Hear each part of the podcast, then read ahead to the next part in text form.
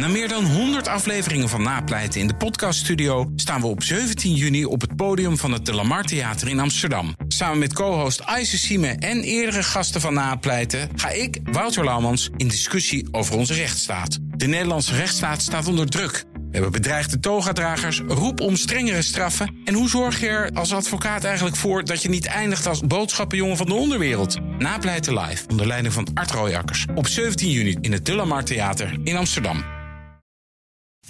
De column van Paul Lasseur. Mocht Unilever daadwerkelijk voor Nederland kiezen, kiest het ook voor de Rijnlandse cultuur, boven de veel hardere Anglo-Saxische vennootschapspraktijk. Britse ondernemingen zijn wettelijk verplicht om te sturen op maximaal rendement voor de aandeelhouders. Het is de meest rauwe vorm van kapitalisme. Bij ons spelen bredere maatschappelijke belangen ook altijd een rol. In Nederland heb je rekening te houden met alle stakeholders, niet alleen de shareholders. Daarom begrijpen ze in Londen ook helemaal niets van onze obsessie met topsalarissen en bonussen, om er iets te noemen.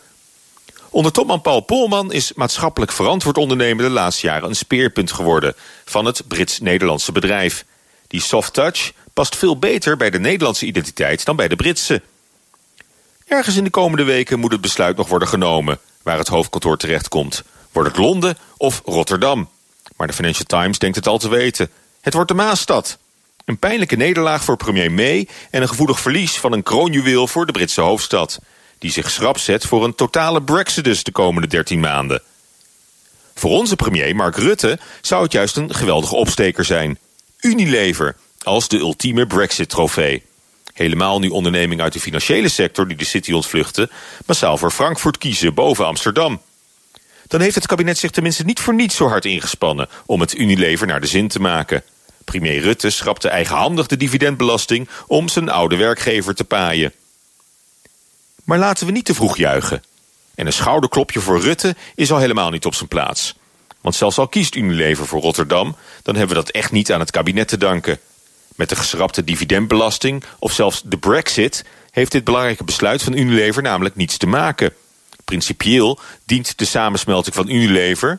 tot één onderneming met nog maar één hoofdzetel in plaats van twee... een veel hoger doel. Het Brits-Nederlandse concern heeft nu nog twee hoofdkantoren... en twee beursnoteringen... met een aandelenkoers in euro's en één in ponden... De organisatiestructuur is hopeloos ingewikkeld. De dubbele nationaliteit is een historische weeffout in de 90 jaar oude organisatie...